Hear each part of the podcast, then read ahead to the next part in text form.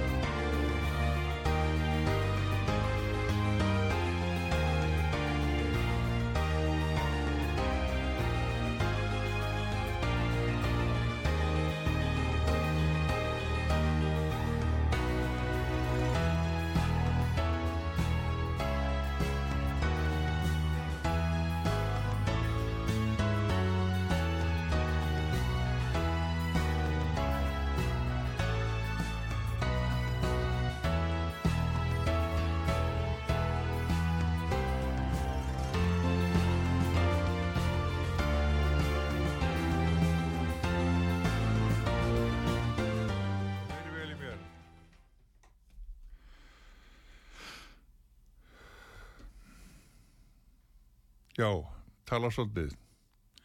Jæja, góður hlustendur. Nú, halló? Já, það er Haukur Hauksson, sér um heimsmálinn á útarpi sögu, í dag. Gestur okkur er Guðmundur Ólafsson. Guðmundur, þú heyrir í mér. Jú, jú, sælvertu haugur og Sæ, komuðu sælir moskubúar, gjörvallir. Já, ég skila því, Guðmundur minn, og, og uh, hérna kem þeim hverjum góðum á framfæri Þú og þú mátt- hinn ágætti tæknamaður er Bræði Reynisson í stúdiói. Svo máttu skila sérstakri, þú mátt líka skila sérstakri alúðar kveðju til aðstóðamanns utarengisráðara, hann er Sakkarói. Já, Nú, hún, er, hún er glæsileg og vekur manni hérna ástúð.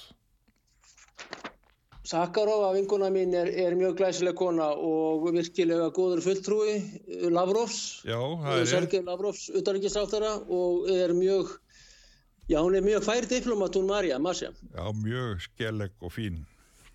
Skileg og fín kona og hún er með uh, bladamannafundi vikulega nokkur neginn sem að hún er skileg og glæsilegur fulltrúi og, Já, og kemur mætir þar fram og eftir að það. hafa hlustað á hana er maður með mikinn hérna Já, bara baráttu hug vegna þess að rússar eru, hvað maður að segja, þetta er, ég held að sko Guðmundur er ekki rétt að, að línur er að skýrast uh, með svona undraverðum hætti og, og heimurinn er í raun að breytast mjög mikið núna á síðustu tímum.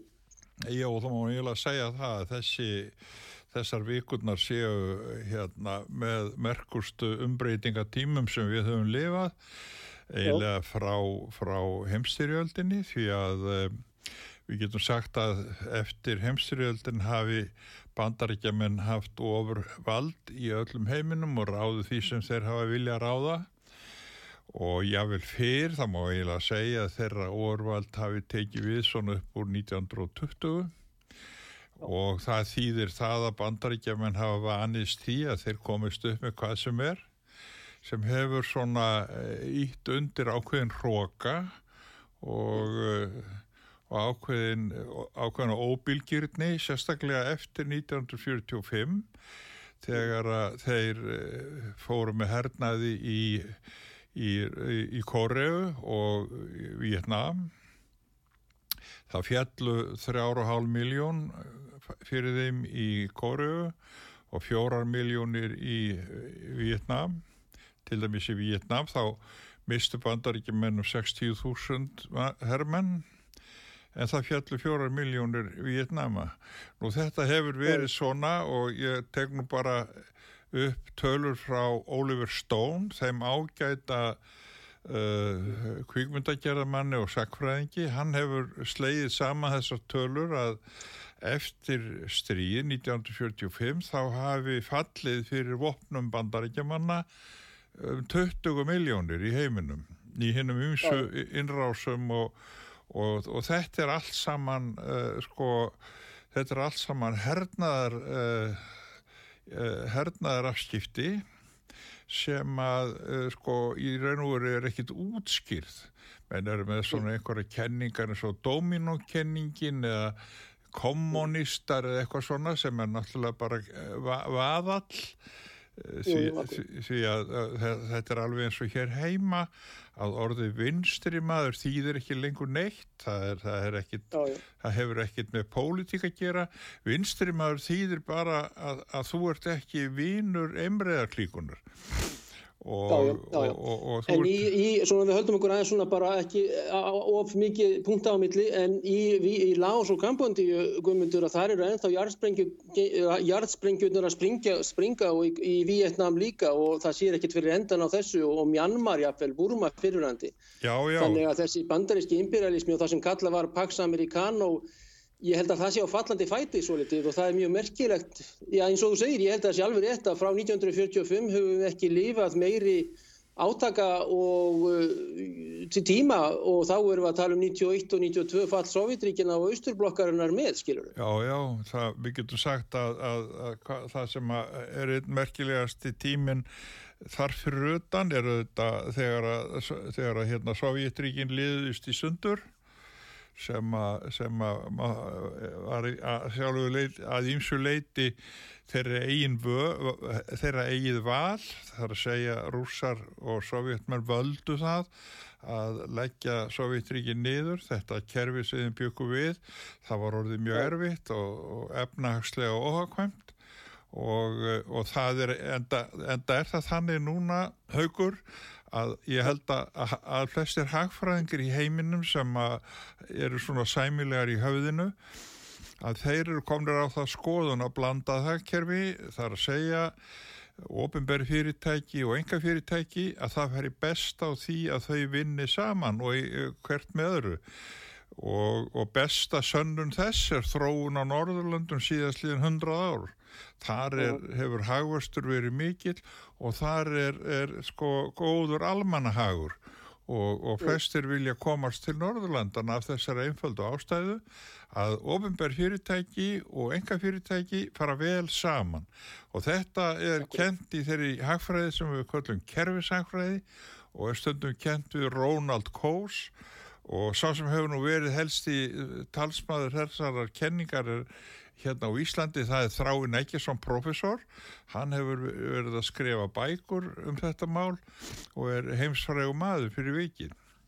Mm -hmm.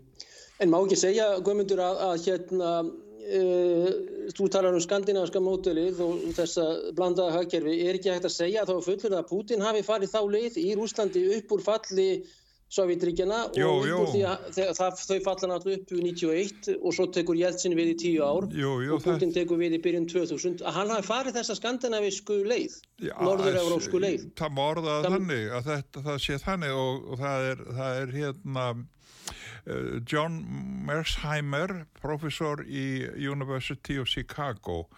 Hann, uh, hann heldur því fram að Putin hafi bjargað rúsum einfallega Það stóð til að afhenda Rúsland uh, ólíkorkum, fámennri, fámennri öðmannaklíku sem studd var af fjár, fjár, fjármagni að vestan. Og Pútín, honum tóst að snúa þetta liði niður, hann bauðum að hérna Að, að hérna, borga til samfélagsins með ellugum hætti eða þá að þeir skildu fara og nokkur, nokkur er völdu það að fara eins og Gusinski og Abramovits og fleiri. En, en, en niðurstaðan verður þessi að það hefst gífurlega mikið uppbygginga steiðir Úslandi uh, árið 2000 og það stendur enn yfir. Uh, uh, þjóðatekjar og mann það er markfaldast og laun stór hækka í, í Úslandi og við getum sagt að, að í gróðun dráttum þá hafi þetta verið niðurstaðan að það fara þarna saman ofnbjörn ríkisfyrirtæki og engafyrirtæki og þetta er blómleg, þetta er blómlegt hagkerfi.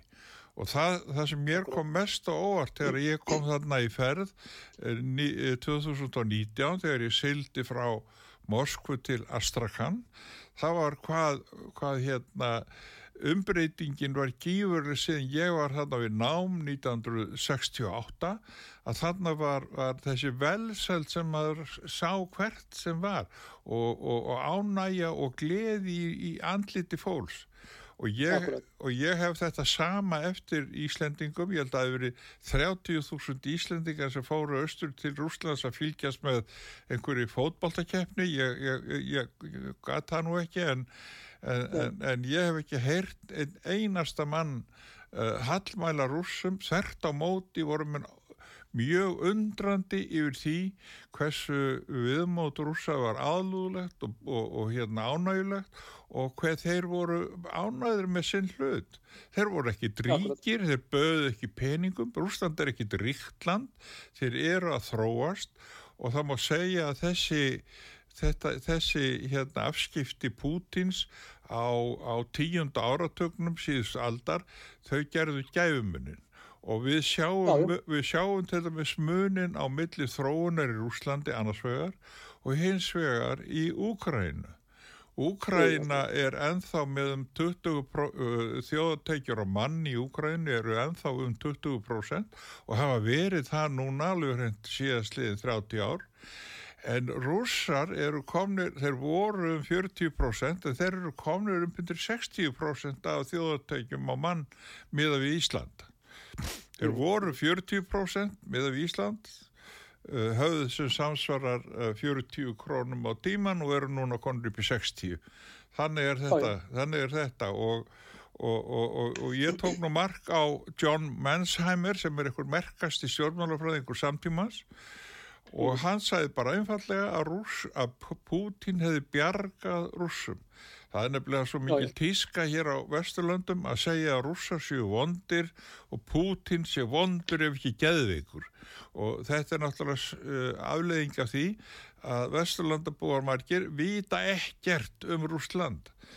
Tungumálið er, tungumálið er þraskuldur og menn hafi ekki vita á því að reyna að stíga yfir hann með því að hlusta á fólk sem hefur betri þekkingu.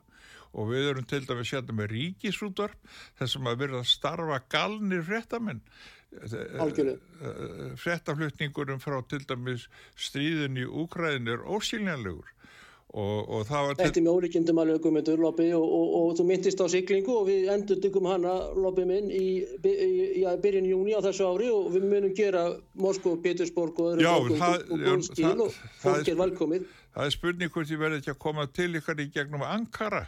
Það, þeir eru búin að loka Ístanbul. Finnarnir, já eða Ístanbul Finnarnir eru búin að loka. Já og það er ekki eins og hægt að komast til Rúslands gangandi eins og var nú hægt þarna frá Helsingi en, en, já, já. Auðvitað finnarnir þeir eru svo rugglaðir að sko, ég held að þetta sé að búið hjá þeim alveg óhemju tjón og tekið tap. Hann er heimska eins og þarna í Helsingi hjá þessi Morbi og Sönnu Marín partíkur, fyrirvændi partísöku þetta er svo vittlust sko heimskan í þessi fólki er með ólíkjendum Já, það er alveg ótrúlega því að þetta áttur að verða alveg óskaplegt tjón. Því að menn áttast ekki á því að, að, að mjög mikið hluti af landbúnaðavörun sem finnar neyta er keftur frá rúsum nú og síðan allt þetta rafmaks sem þau kaupa Þetta mm. hverfur allt eins og dögg fyrir sólu þegar nefn fara, uh, þeir eru að vísa ekki byrjaðar á því rúsarnir en, en þeir munu keipa sér hendinni ef þetta á að halda áfram. Það er nú kannski já, já. rétt að býða eftir næstu kostningum og sjá hvað verður að þessu dóti. Já, já, þetta er bara pönn. Þetta er fyrir ekki, ég, ég, við erum alltaf á Skype, þannig að tvær sekundur og ég er ekki að grýpa fram í fyrir þér og þú ekki heldur, þetta eru tvær sekundur þér í hag, þannig að það kemur svolítið út eins og ég sé að grýpa fram í. En hérna, við ætlum að fara þarna þessar 380 km sem er sama vegalend og Reykjavík Akureyri í rútu en, en í þessi stað eins og þú segir, Guðmundur, að þá verður farið bara frá, frá Miklagarði eins og vinnur okkar Geir Vóge kallar eh, Konstantín Opel já. og Istanbul í dag. Já. í flugi og það hækkar eitthvað um 40 skatt sem eru með að vinna í dag fyrir því. Já, en það er ekkit mál. Nei, nei, við sjáum það. Og hafið þau vel á minnst Geir Vóge Hann var að Já. skrifa grein í morgumblæði núna í vikunni sem eru alveg frábær. Akkurat. Vegna þess að þessi, þessi, þessi hérna, virti sveitaprestur sem, ek, sem ekki verður nú sakaður um að vera rúsadindill, hann tekur í raun og veru saman uh, megin atriði í þróun átaka Úkrænumann og rúsa þar sem það Já, kemur fram að bandaríkjumann hafa komið í veg fyrir friðarsamninga og friðsamlega lausn þessara deilumála alveg frá 19, eh, 2014. Sérstak, sérstaklega eru það samningarnir 2015 í mass Þá var búið að skrifa undir samninga, fríðarsamninga, sendinemd úkrænumanna og rússa skrifuðu undir fríðarsamninga sem voru haldnir af frumkvæði og undir stjórn þjóðverja. Það voru að segja uh, kanslari, uh, kanslari þjóðverja, hún, hérna, hvað heitir hún nú aftur? Angela Merkel. Já, Angela Merkel, hún lærið kjarnorkufræði í Moskvu svo ágæta kona. En, en það voru gerðis fríðasamningar uh, undir hennastjórn og, og hérna þegar að, uh, þegar að þeir komu heim til sín til kænugars, þetta gerðist í Minsk í Kvítarúslandi Þegar þeir komið heim til síns til kænugars þá er það sagt að bandaríkjumenn bönnuðu þessa samning og vildi ekkert sjá þá. Þannig hefur þetta verið. Það er búið að semja okkur í einasta ári um frið en bandaríkjumenn og brettar hafa alltaf komið í vekk fyrir að þeir gildu. Þannig að mandrápin sem að þarna hafa farið fram 500.000 úkrænumenn sem búður að drepa Þetta er allt saman uh, uh, með vilja og ósk NATO og hérna bandaríkjumanna og vantanlega Íslendinga sem, tók, sem tóku það ótrúlega skref að loka sendiráði í Moskvu sem er sko eiginlega það vittlösasta sem hægt er. Þetta þýðar að þú viljir ekki tala við fólk bara. Já, þetta er ekki diplomati, þetta er bara sko þvermóðsku, heimsku viðbröðin og að, aðfarirnar eru því líkar hjá utaríkis ráðuniti sjálfstæðisflokksins sem að Bjarni Benediktsson stjórnar núna og við vonum að breytist einhver leiti. En þetta er svona þvermóðsku sem er í rauninni anteiti, antónium, anteiti ekki sínunum við diplomatíu, við... Já, já. Já, að vera diplomatískur, skilur við loppi. Já og þetta á sér ákveðna hliðstöðu bara í okkar samfélagi í, frá manni til manns. Það já, hefur þróast á Íslandi ákveðin svona uh, persónulegur stæll hjá þessum hægra liði. Þeir eru alltaf að tala um einhverja vinstri menn og það mótast einhvers konar persónulegt hatur á öllum þeim sem eru þeim ósamála, skiluru og uh, sko ég segi fyrir mig að svona hægri menn er mér, ég, ég er ekki mér er ekki dilla við það, þeir eru vínum mín og ég, sem er að þeim eru eru æsku félagar og mér þykir vænt um þá. En svo verður maður varfið það að, að, að, að þetta hægra lið, það leggur fæð á alla sem eru ekki algjörlega sammálaðum Og, og, og þetta er í sjálfu sig svolítið svipa þegar að menn loka sendir á þeim eins og fíbl það, það er bara svona. Ég held líka, sko, er ekki líka rétt að sko, afstæða Vesturlanda og Vestursins og þessar elitu Vesturlanda og Sjórs Barrel sem er Katalóni og Börsungur og, og hann er nú aðal utalíkismálar stjóri í Evrópusambansins hann segir Vesturlönd, þá erum við að tala um Norður-Ameríku og Evrópusambandið vera uh, garden, það er að segja hinn hin blómlega gard Já. En allur heimur, einur heimurinn og þá Rúsland og, og hitt allt annar heimurinn sem að voru Sovjet og Kína undir, þetta er náttúrulega bandaristöðutak og svo þriðji, allt hitt nema Norður-Amerika og Europasambandi sé jungle, sé bara drulllegur, ógeðslegur, dimmur, frumskóur. Er ekki svolítið rétt og mikið sem að Lavrov og Masja, Marja Vladimirovna, Vladimirovna Sakharova segja að þetta sé hræst, nei hérna, yfirlæti og oflæti og ofdramp í Vesturlöndum og þar á meðal í hæstumönnum og þar á meðal í, garðast, nei, hérna, í hérna, rauðarafstíknum. Það er að segja hjá íslensku stjórnvöldum og þá er það að segja utanreikisarmi utanreikisarmi íslenska stjórnkerfisins. Jó, hvað, ég... hvað veldu segja um þetta svona að þeir kallið þetta að vera dramp, oflæti og svona yfirgang og, og nýður, horfa mjög nýður til rúsa? Þó að rúsa séu kristnir, hvítir og ekki síst hins heimsins lobby.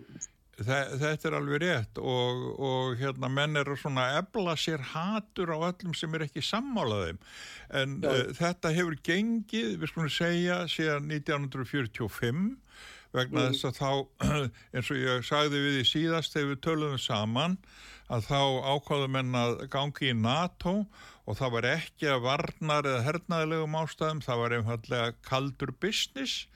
Uh, Íslandingar sáu að það var mjög erfitt að stunda vinskipti með fisk ef maður væri ekki í NATO. Menn þurfti að fá aðgang af mörguðum í Bandaríkjónum og uh, í Breitlandi og það var einlega nöðsynlegt að beigja sig fyrir valdinu og hérna og, og, og, það hefur reynst okkur vel.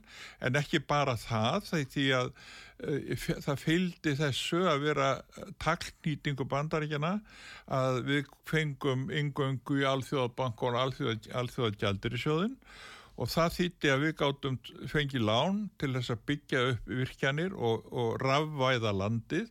Þannig að aðgangurinn að NATO var að sömu leiti e, eh, nöðsynlegur efnahagslega en, sí, en síðan hefur þetta sko uh, einhvern veginn unduð upp á sig og verð hafa á vissan hátt sko gleift við eigin áróðri.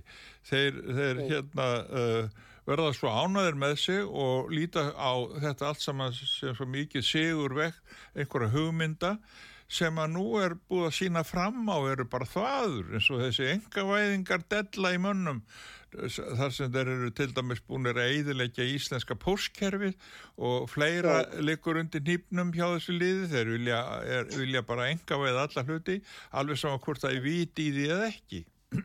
Ja, og, og hérna það sem að hefur sem sé gerst er það að heimurinn hefur breyst. Og, og það sem að er kannski mikilvægast af öllu er það sem er að gerast í Söður Ameríkum Já, við sáum, nú sáum um daginn að það voru fórsettakostningar í Brasilju þar sem að Lula eh, bar sigur og bítum sem er svona eh, hérna, eh, samvinnumadur og hérna, sósílískar breytingar. Og, og þetta hefur lift Brasilju upp, Brasilia hefur verið að sækja í sig veðrið og það er, tvær þjóður sem hafa verið á, í farabrotti í, í hagþróun í, í Söður-Ameríku eru Brasilia og Síle eh, eh, meðaltalið sko í Söður-Ameríku meðaltalið í Söður-Ameríku hins vegar er mjög daburlegt því að, því að meðaltalið sko hérna þjó, þjóðartekjur á mann að meðaltali í Suður-Ameríku er helmingur á það sem er í Rúslandi. Það er álíka mikið og er bara í, í, í, í Úkrænu og, og þetta segir okkur mig, það er þess vegna sem til dæmis ríkisútarpið og aðri fjölmiðla hér á landi vilja aldrei tala neitt um uh, Suður-Ameríku. Það er bannorð að því að þar er ymd og kröm Nú gerist það til dæmis í El Salvador og það kemur fórseti sem að nánast sko fjandskapast í bandaríkjumenn, samir að gerast í, í hérna Brasilíu. Og svo eru ný, nýlegar kostningar í Argentínu. Og, og þá gerist það að fórsetin þar, hann ætlar að fara til uh, Washington til skrafsur áðgerða en, en þá talar uh, fórsetin ekki við fórseta uh, hérna Argentínu Biden vil ekki tala við hann og hann fer í fussi burt frá bandaríkjunum. Ástæðin er svo að bandaríkjumenn vilja alls ekki leiða Argentínu að gerast félagi að brygg samtökunum sem er að vaksa. Nú, þessi Vesturlund og bandaríkin er nú ekki nema 12% af uh, mannskapnum á jörðinni og, og, og framleiðslan mingar eða sko framleiðsla annara er að vaksa og það má segja að það sem hafi valdið mestum ströngpörfum það var þegar að kynvesk framleiðsla fór fram úr þeirri bandarísku. Og það gerist, ja, það gerist 2017 þá fer. Þá fer uh, þjóðframleiðslan kynveska ef það er mælt á sko kaupmáttar mælikvarða PPP sem kallaðir Purchasing Power Parity segir maður á, á, á, á frumólinu. Ef miðaður við, miðað við sem sé eh, kaupmátt þá fer eh, þjóðaframleista Kína fram úr eh, hérna, þjóðaframleist í bandaríkjónum og það er bara umsjöðlust þá verða kínverjar vondir þeir verða alveg skelvilega vondir og þeir vestna og vestna eftir því sem að þjóðaframlegsla kynverja vex og fer lengra fram úr bandaríkjumunum. Bandaríkjumun eru sem sé komnir í annað sæti, þeir eru ekki í fyrsta sæti eins og þeir eru, eru vanir, heldur eru komnir í annað sæti og þetta mun halda áfram. Kína er á mikillir syklingu eins og þú segir réttilega. En þessi náungi þarna í, í hérna við höfum alltaf Lula da Silva sem er sosialisti og, og áður fyrir var eh, Jair Bolsonaro í Brasilíu sem var Tropical Trump kallaður, hann var nú kynna með eitt kjörtímabil og svo er hún uh, Dilma er, uh, sem var fórsættisráþara Lulas, hún er orðin formaður af bankastjóri í BRICS bankanum En hvað var þar miða-Ameríku að þá er þetta mjög skrítin þessi fuggl þarna eða náungi og, og trúður er hann stundum kallaður. Hann Javier Milei sem var fórseti í Argentínu, já. hann kemur með vélsög, vélsög á fundi og já. það er bensín í henni. Það er bensín í vélsöginni og hún er í gangi og hann sveiblar henni á, á fullu. Ég meina, ef hann missa svona vélsöga og niður í þvöguna hann vil, ég meina, hann vil vændi hann vil, eh, hann vil eh, hvað var það vændi til dæmis að þá bolsjevikar þeir banna vændi og leifa fórstureyðingar undir keisarónum hérna í Sovjetríkjunum eða Rúslandi fyrrum náttúrulega var vændi leift og, og fórstureyðingar voru bannaðir og bolsjevikar breyttu, breyttu vændisúsum í, í sjúkrahús og fæðingarheimili og allt þetta. Og ég veri á solis í Tsita og Novosibirsk í Sibirju Eh, bara sem skoðun. En hérna uh, sko hann vil að fólk geti hérna leifið þetta, hann vil að fólk geti uh, selt líf, líf færi úr sér, hjörtu nýrus bara allan bakkan uh, og hérna lungu og þetta. Og, og sem sagt hann vil hætta öllum samskiptum við Kína, Rúsland, kallar það kommunista sem sagt fyrir, notar það sem mjög mikið nýðrandi orð og, og sem sagt ætlaði að stoppa BRICS, Brasilia, uh, Rúsland, Indla, Kína, Suður-Afrika, BRICS. En, en bandarækja menn akkur taka þeir svona, hann segist vera gýðingur, hann Javier Milei, flokkur hans heitir La Libertad Avanza, uh, hann er ekki náttúrulega tveggja ára sá flokkur, sem sagt frelsið áfram. En akkur heldur það að bandarækjumenn takir svona kuldalega á mótunum þegar að sumir segja að hann sé trúður og, og líkjónum við Selenski sem er og var uppistandari og ætlaði sér fram að eina rúsnarska sjónvarsins en varði ekki úr og fór þá í fórsetan eða er bóðið annað ennbætti að þegar hann ætlar úr Bríks guðmundur, uh, hann, hann Milei sem að sigraði kostningarnar í Argentínu. Já. Já, uh, það er ekki gott að segja. Ég held að segja einfallega það að, að Argentínumenn eru búin að vera að ræða þetta í nokkun tíma að ganga í BRICS. Og, og ég, ég eh, held bara bandaríkjumenn séu núna komin í fulla anstöðu og bara áttu gegn BRICS. Og já. það verður þeim mjög dýrt kæft sko. Já, já. Akkurat, eitthvað svo leiði sko. eins og það er að þú nefndir vandi Það gerðist, það gerðist nú hér á Íslandi á, á tímabili að þá var vendi af glæpa vætt, það var ekki lengur refsivert að stunda vendi og það var mjög ágætur stjórnmálumadur sem kom því í gegn. Það var sjálfur Björn Bjarnason, við hefum alltaf fundist að vera vel gert hjá honum. Um já, glæsilegt. Já, já, um leið og, um leið og síðan einhvers svona svona, já, brittiskonur komist til valda þá var þessu breytt þannig að það er refsivert að kaupa vændi.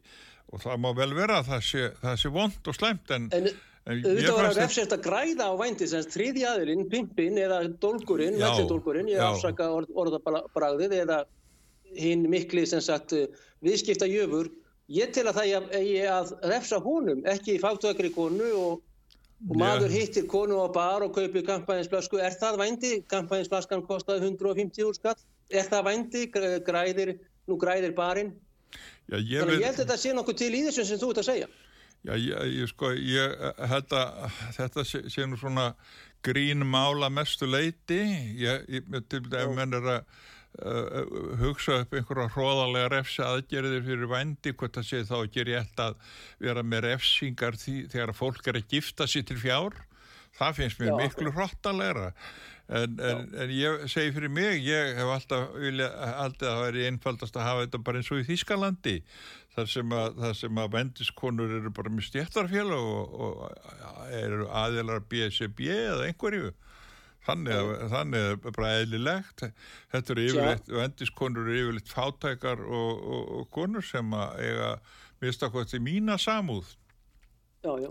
kjara baráta, svo er heilsu, heilsu, heilsu eftirlit, svo er öryggismál þeirra, eru rætta fundum hjá verkalýsfélagi í Tískalandi og víðar, en, en í þessum grimma heimi að þá eru þær algjörlega óvarðar fyrir mjög vondum elementum sem að græða og græða og eru mjög grimmir já, og, og það eru ákveðinir flokkar í því, ákveðin þjóð eh, albanirnir og margi, margi mjög sterkir sem að reyka þetta í, í Östur-Európu og hinga á fanga.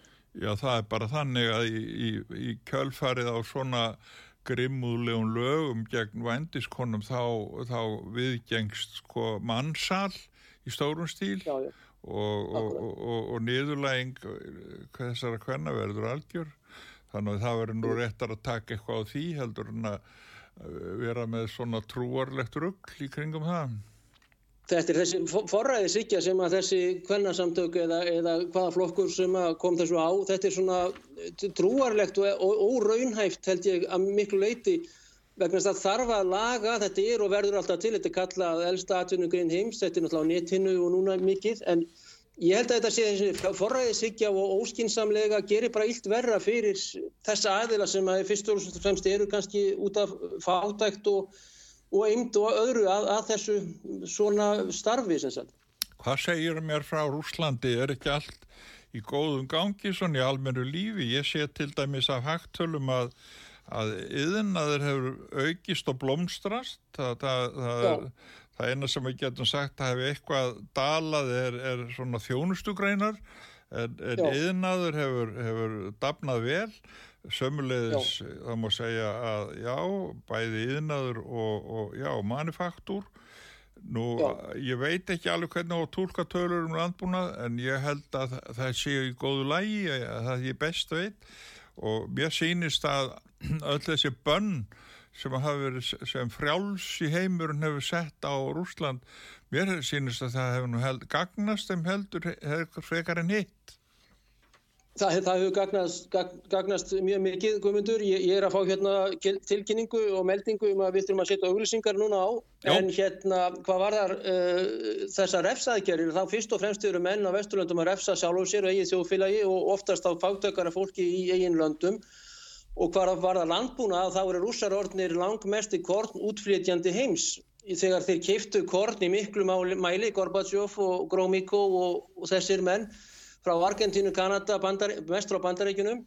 Það var endar keift fyrir matvælaframinslu, fyrir nautakjötsframinslu í Sávíturíkjunum að það voru að breyst þannig og það eftir náttúrulega út af uh, óefni bólsivika í, í landbúnaðamálum að þá er Úsland orðið mest í útflýtjandi á kortni og svo líka bara á landbúnaðavörum og öðrum, öðrum vörum sem eru taldar miklu heilbriðari og betri heldur en vestrannar vörur almennt. Þannig að það þeir eru mjög góðu málum hvað var þetta og flytja út til allra landa nema Norður Ameríku og Evrópu, Evrópu sambansins. En við ætlum að fá ölsingar núna hérna komundur og uh, dettum inn á eftir, eftir að þær eru komnar.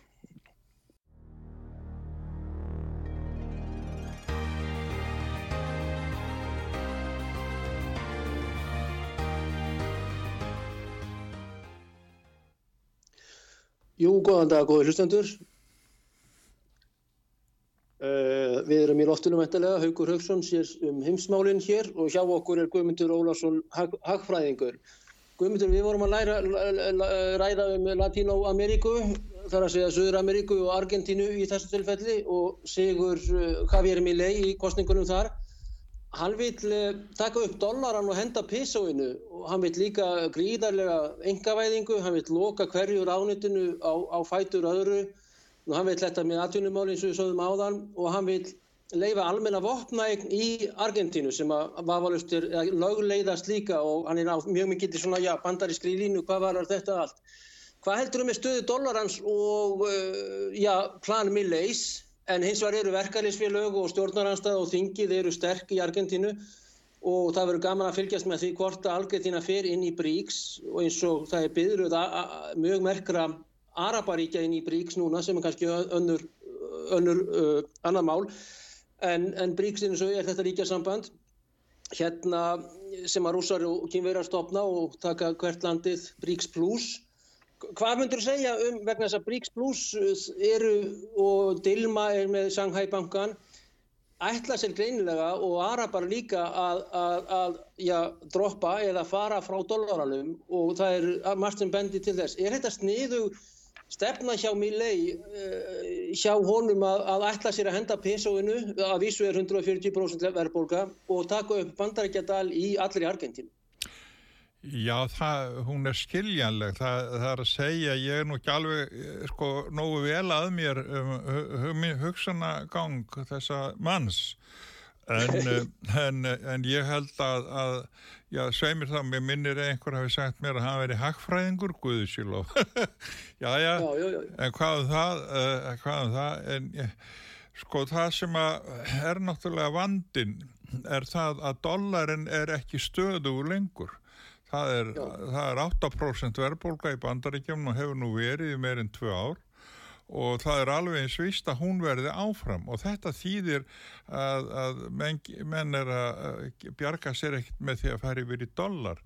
Og þetta er eina ástæðunum fyrir því að Bryggslöndin hafa myndað svo kallaða Já, ég kalla það, það heitir á ennsku de-dollarization eða, og ég kalla það á íslensku afdölun.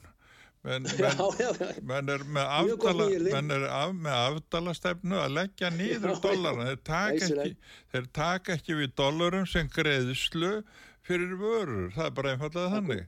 Og þetta er, þetta er líkilega atriði í hérna Kína og, og Rúslandi og fleiri löndum að, að stó, nota svo kalla afdalastefnu. Nú, ég veit ekki, ha, það, þetta er bara svona og það, við skulum segja til síðan sambandi við Kína að þar er verðbólgan eitthvað, hún er innan við 0%, hérna 0, hún er 0,9% minni mig, en, mm. en það er að vísu tölver verðbólgur Úslandi, mér minnir hún hafi verið komin upp í 10-15%.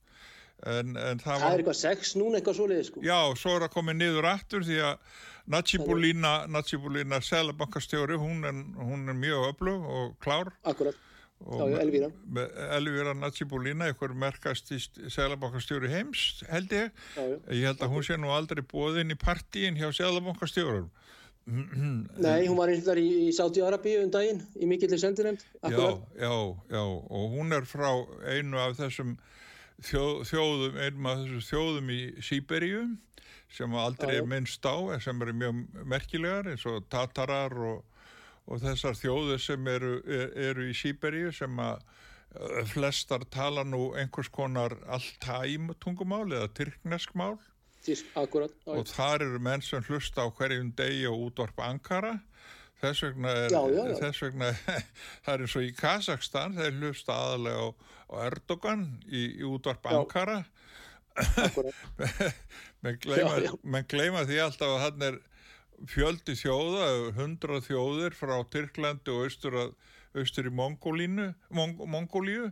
Og, og þetta eru þjóðir sem tala allt saman tungumál sem við bóttum ekkert í og miða við, miða við rúsnesku þá er, er rúsneska náttúrulega náskild íslensku bara eins og ákveðin málkækur í reppi sko, þetta er svo skild íslenskunni rúsneskan Já, já, já, Það eru mörg orð sem eru svipuð, jú, jú, það passa. Já, já, blessaður verður og, og þegar menn sko aðalatriði í sambandi við rúsneskunni það að með fyrir að læra stafróið stafróið er, er svolítið uh, veggur sem margir hræðast. En þegar mann hafa lært það þá opnast heil veröld og það er það skemmtilega við það að læra tungumál. Það er, það, það, er að, það opnast fyrir manni veröld fólksins í landinu. Ég til dæmis læði það á mig að fara í að læra pólsku, læriði pólsku upp í háskóla, fór á námskeið og ég já, segi já. það alveg satt það, það opnast fyrir manni heil heimur í, í Pólandi og það er já. mjög skemmtilegt að, að það eru nú einir 30.000 pólverar hér á Íslandi og, og, og ekki eru það allt kommunistar Nei, nei, nei, nei. Nei, þetta er nú svona eitt á aðferðunum við að merkja fólk að kalla það vinstrimenn og kommunista. Það hefur enga Jú. merkingu lengur, þetta er bara röfl. Og, og þetta er svona, svona menn sem að, hérna, eru byggja eh, svona pólitíska afstuð á einhvers konar personuhatri og það Þú myndist á einmeriðar klíkuna, hægt áfram með það. Ég hérna tók þið af leið eh, fyrir í þættin Já, já, það, það er náttúrulega ég sko það er nýbúið ekki út bók um, um umræðaklíkuna og það eina sem ég, ég hef ekki lesið að bók.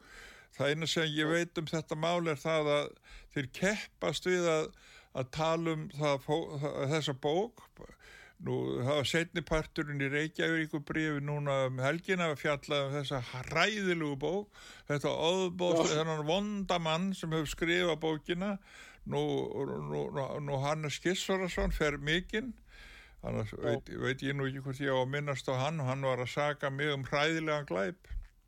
Nú? Ég veit ekki hvað ég á að segja, hvort ég á að gráta eða hvað. Já, hann saga mig um þann glæp að vera vínur Svans Kristjánssonar. Það er náttúrulega með djúbstæðust og hryllilegustu glæpum sem hægt er að hugsa sér.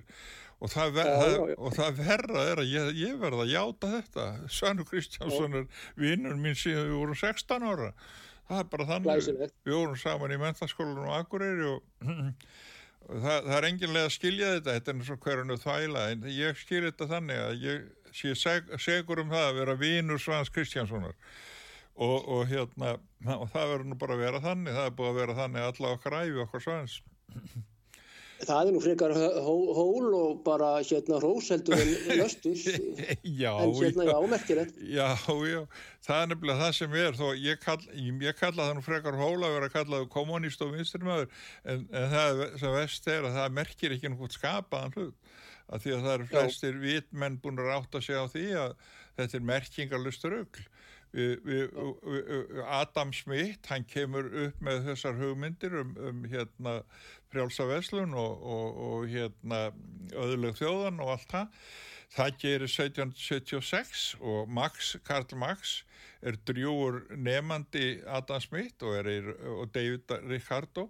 Það má eiginlega segja að, að Karl Max ég fyrst og finnst nefandi hérna, Adam Smith Þetta er svona hagfræði, svona þessi hagfræði sveibla í alþjóðapolitík og nú hugmyndirnar eru, eru náttúrulega afdreifaríkar. Það, það er verið að rýfa nýður lénsveldi, það er verið að rýfa nýður einogunar klíkur fyrir alda og, og þessar hugmyndir ganga vel í það. En svo þegar það kemur lengra þegar að menn eru konir inn í nútíman þá kemur að ljósa engavæðing til dæmis fangelsa er bara ruggl eins og í bandaríkjónum þeir eru konum þeir eru konum með miklu fleiri í fangelsi í bandaríkjónum heldur en var nokkuð tíman í Sovjetríkjónum á tíma Stalins Altså það eru fjöldi... Já, þetta er ótrúlega, tvær miljónir í bandarskum fangilsum og þetta eru já. bara vinnubúður og með 5 dólar á tíman ef ekki minna og stjórnfyrirtækinn gera sér einhverja ægila kontrakt með einhverja sko... samninga sem satt við eigand um það bara færiðanbönda að vinna allar sólarhenginn fyrir og engin, engin verkefliðsfélag og engin vinnu, vinnuvernd eða hilbriðis eða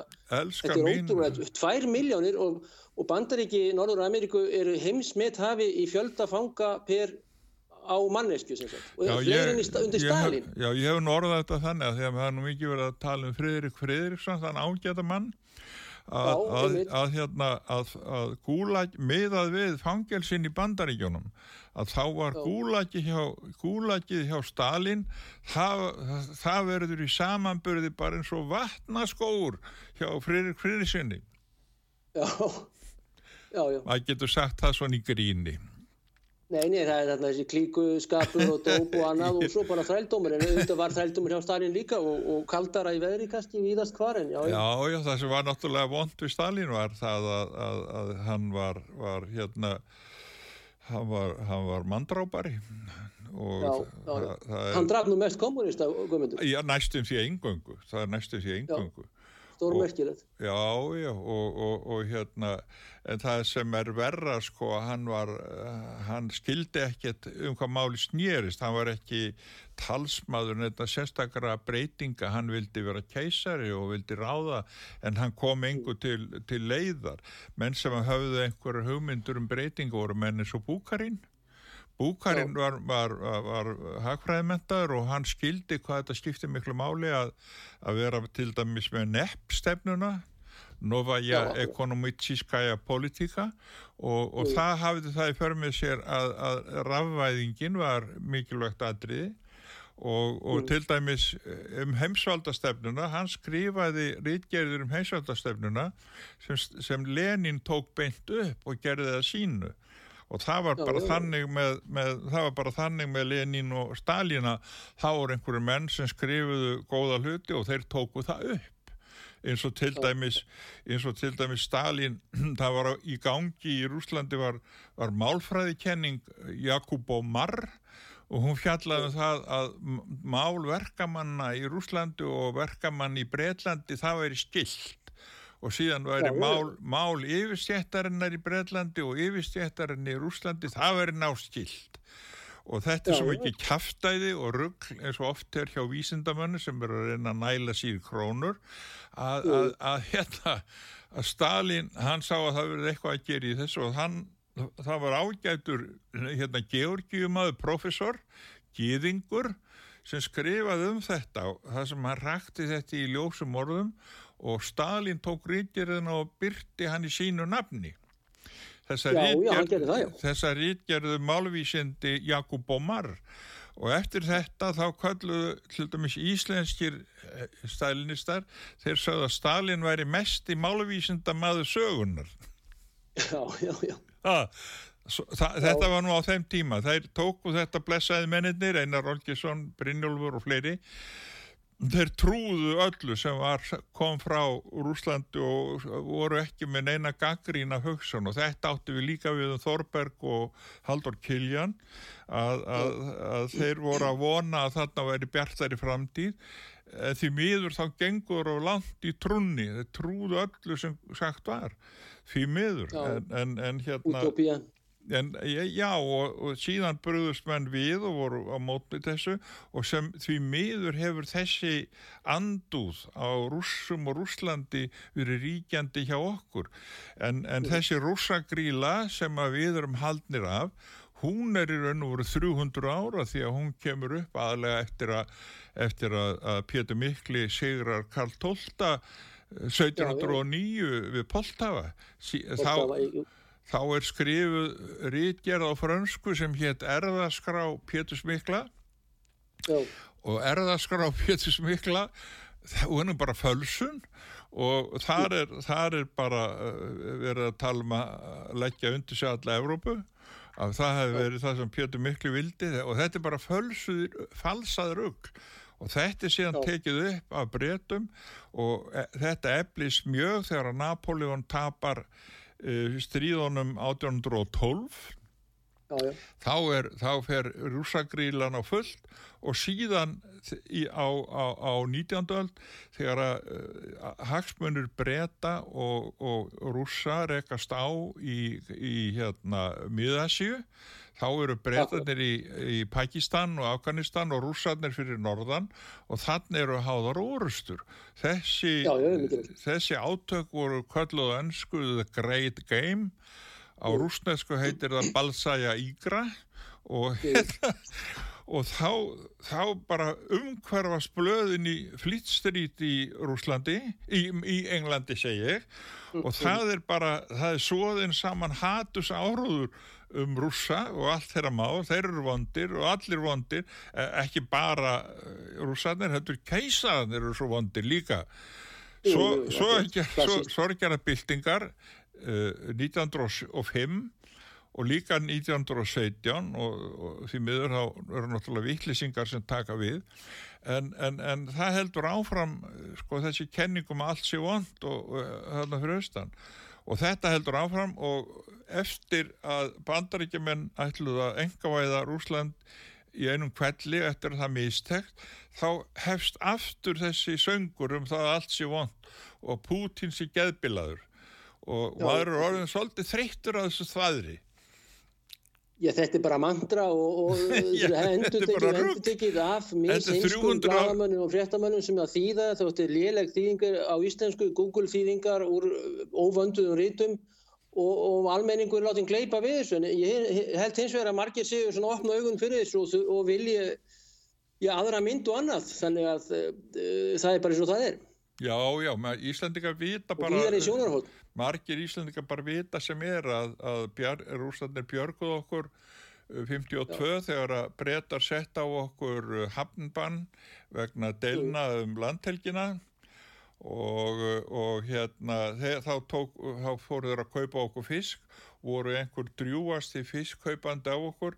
Við keftum aðeins í staðin bíla sem voru nú miskóðir kannski en, en ég kann nú alltaf vel við rússana gamlu ég verður bara að segja mm. það já, já. þeir voru kannski miskóðir en þeir eru orðið miklu betur í dag en voru þá en þetta er einfallega þjóð Nú, og, og, og ég veit ekki hvernig þetta er en, en hérna það er líka fleira sem að Íslandingar hafa. Við höfum átt frábæra þýðendur á rúsneskum bókmyndum og rúsneskum textum.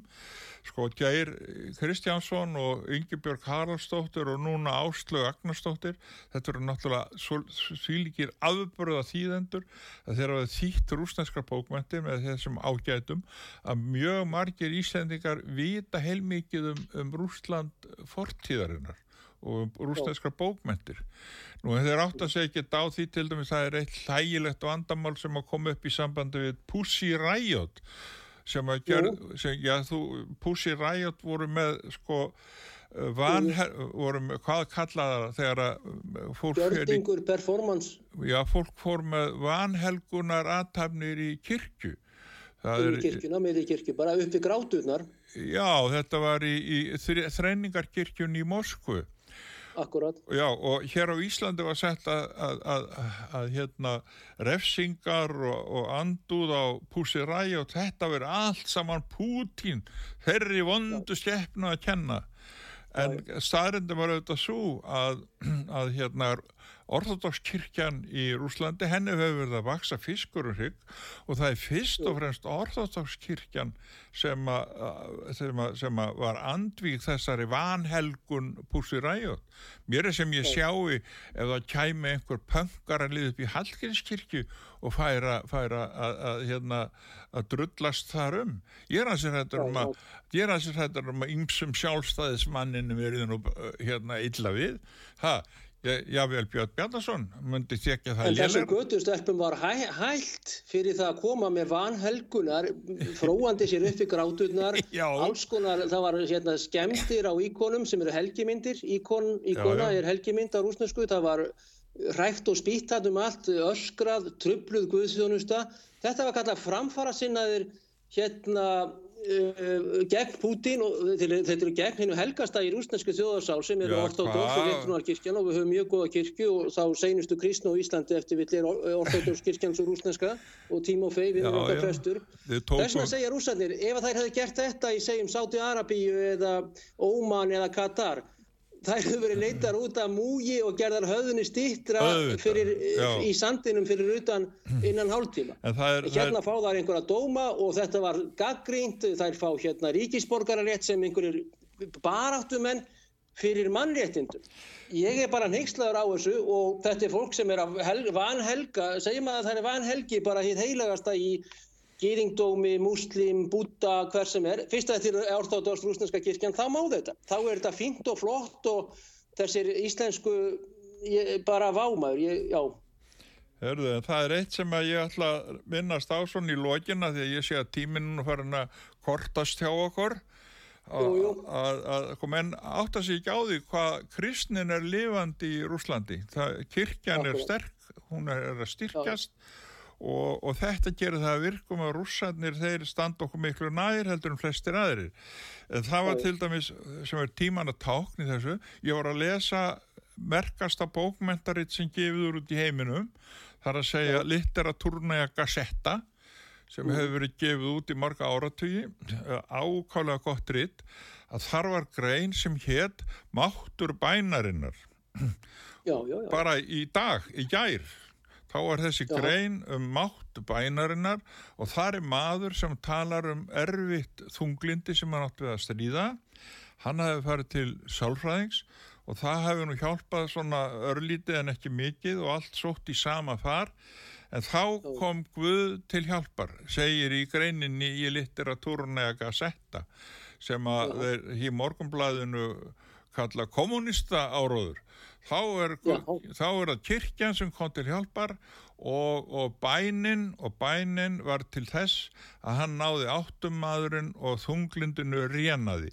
Þetta er skoðun orþodoksa og það er þessi skoðun sem er ríkjandi í Rúslandi og þetta ja. kalla menn kommunist og vinstri bara, eh, sko mann er verið hálf óglatt í rugglinu sem kemur út úr þessu fólki sem ekkert veit um hvað það er að tala Já, já, já, já en sálar styrkur bara rúsa og rúsnesku þjóðarinnar og fólksins í landinu bara sem slíkt er, er á all, algjörlega öðrum mælistykum heldur en fyrir vestan og, og veikmættið í sálum vestræns af fólk núna gegn því sem er yfir alla að ganga og þetta yfir þjóðlega vald og allt þetta alls konar vissin að það er, er aðdánavert að, að sjá hvað rúsar eru sterkir inni í sér sem er mjög mikilvægt núna á síðustu vestu tímum.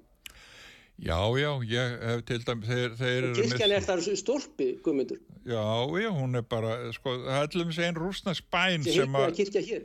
Það er, það, já, það, segja, sko, það sem er að gerast hér á Íslandi í sambandi við kirkjuna, það eru ótrúlega átök einhverja, presta sem eru uppfullur með valdafíkn og, og fjárgræki og þeir vilja allir verða biskupar hér að því að Agnes, hún er að,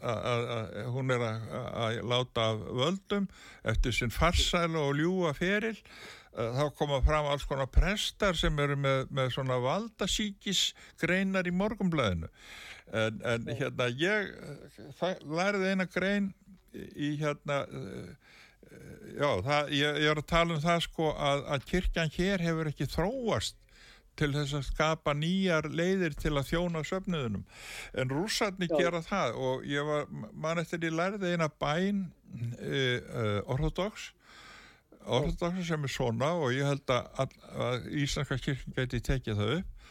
Drottin mér veittu mér insinn í þjáningu annara drottin uh, vísaði mér veginn til annars fólks. Þetta er það sem við höfum að gera. Þetta er það sem er hlutar kirkjunar og þetta skilja orðdagsar þess vegna er ég orðdags Ég líka í Guðsnafni. Spasiba, spasi, uh, spasiba balsoj, spasiba balsoj. Spasiba balsoj. Slavabóku, slavabóku í Guðsnafni. Nú það var Guðmundur Ólafsson Hagfræðingur sem var gestur okkar núna í heimsmálunum. Haugur Haugsson þakka fyrir því. Þeir sem hafa áhuga slást í för með okkur geta kíkt á bjarmaland.is en við eh, óskur landsmönnum eh, og allt þetta, það er kannski rétt að byrja þær hátir þökkum Artrúði, þökkum Braga Reynisinni, tæknimanni og lífið í Guðsnafni. Takk lópum minn og við hittum steilir. Ok.